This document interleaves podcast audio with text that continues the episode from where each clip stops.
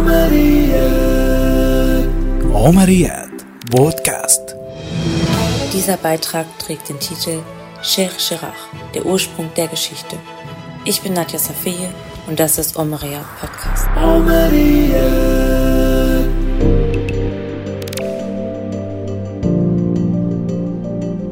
Film- und Seriengeschichten basieren auf einer allgemeinen Regel, die aus drei grundlegenden Phasen besteht. Anfang, Knoten und Lösung. Der Knoten ist ein entscheidendes Ereignis mit dem Helden der Geschichte, wodurch das Leben nicht mehr so bleibt, wie es war. Der spannendste dieser Filme ist der, bei dem das Ereignis zufällig eintritt und der Held mit Gewalt und ohne Planung in seine Kämpfe gerät. Das gilt auch für das menschliche Leben. Jeder von uns ist der Held seiner eigenen Geschichte und jeder von uns hat bestimmt schon einmal ein einschneidendes Ereignis erlebt, die seine Wahrnehmung der Dinge für immer verändert haben. Wie zum Beispiel die Angst, irgendwann im Meer zu ertrinken, so dass das Meer zum unheilvollen Ort zur lebenslangen Angst wird oder ein Verkehrsunfall und man bekommt eine dauerhafte Phobie vor Autos und überhöhter Geschwindigkeit. So geschah es mit Herrn Abed Rabbo bin Khalil bin Ibrahim, dem palästinensischen Herrn des Viertels Sheikh Jarrah in Jerusalem. Als der vor der Unterdrückung durch europäische Staaten geflohene Jude Yusuf bin Rahamim Joas 1880 zu ihm kam und Herr Abed Rabbo schnitt sein Land ab, mit dem Großmut des Arabers, der dem Ruf des verängstigten Notleidenden folgt. Aber er wusste nicht, dass dieses Ereignis nicht nur für seine Kinder, sondern für eine Stadt und einen ganzen Staat ein einschneidendes Ereignis sein würde. Das Viertel von Sheikh Jarrah erlebt seine schlimmsten Tage in Jerusalem, in dem 500 Palästinenser jeden Moment Gefahr laufen, zwangsdeportiert zu werden, mit der Begründung, dass sie keine Lizenzen und Ausweispapiere haben, um sich an diesem Ort auszuweisen, obwohl sie schon mehr als 70 Jahre dort leben. Was ist also der Ursprung der Geschichte? Die Geschichte begann 1948, als die Palästinenser aus ihrem Heimatland einwanderten und 28 Familien in dieses Viertel flüchteten. Nach acht Jahren Nakba, genau 1956, beschloss die jordanische Regierung, die Jerusalem zu dieser Zeit unter ihrer Souveränität hatte, diesen Familien ein Haus und ein Land zu geben, das ihnen nach drei Jahren gehören sollte. Aber die Besetzung Jerusalems machte dieses Eigentum, geführt durch israelische Truppen im Jahr 1967, zunichte, und das Leiden dieser Familien begann erneut.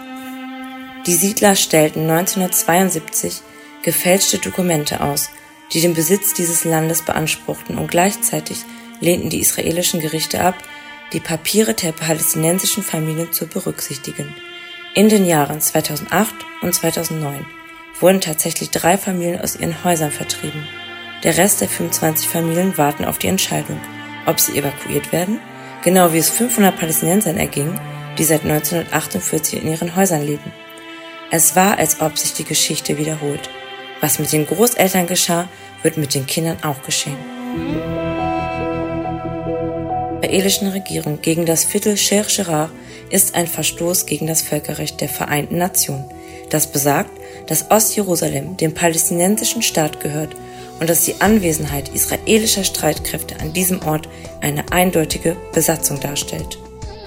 Die Oslo-Verträge sollten einen Wendepunkt in dem Palästina-Israel-Konflikt hervorbringen.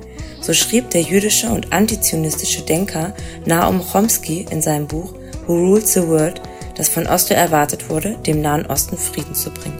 Aber tatsächlich brachten die Verträge von Oslo nichts weiter hervor als die Auslösung der Bindung zur Westbank und die Verdopplung der israelischen Siedler sowie die Errichtung einer Apartheidsmauer.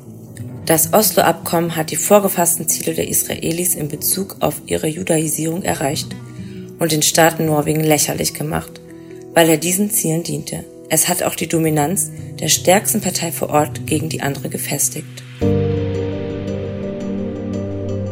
Es stellt sich die Frage, warum wird gerade das Viertel von Sheikh Jarrah ins Visier genommen? Die Antwort lautet kurz gefasst, dass das Gelände des Viertels Sheikh Jarrah nördlich der Altstadt von Jerusalem liegt. Das heißt, auf dem Gürtel westlich von Jerusalem, der voll von jüdischen Siedlern ist. Die Einnahme dieses Viertels wird die Hebräische Universität direkt mit der Siedlungserweiterung verbinden und den Weg ebnen, um das restliche Ostjerusalem das sich im palästinensischen Besitz befindet, zu beschlagnahmen und festzunageln.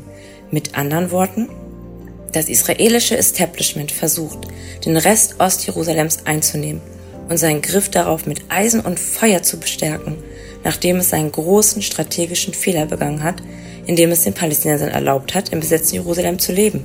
Nach dem Jerusalem-Plan der israelischen Regierung aus dem Jahr 2000 besteht das Hauptziel darin, eine starke jüdische Mehrheit in der Stadt zu erhalten und die palästinensische Bevölkerung zu reduzieren. Die Zahl der Palästinenser liegt nach der israelischen Volkszählenbehörde für 2015 bei etwa 37 Prozent. Die demografische Entwicklung hat es nicht geschafft, die Stadt zu 70 Prozent Juden und zu 30 Prozent Arabern zu machen.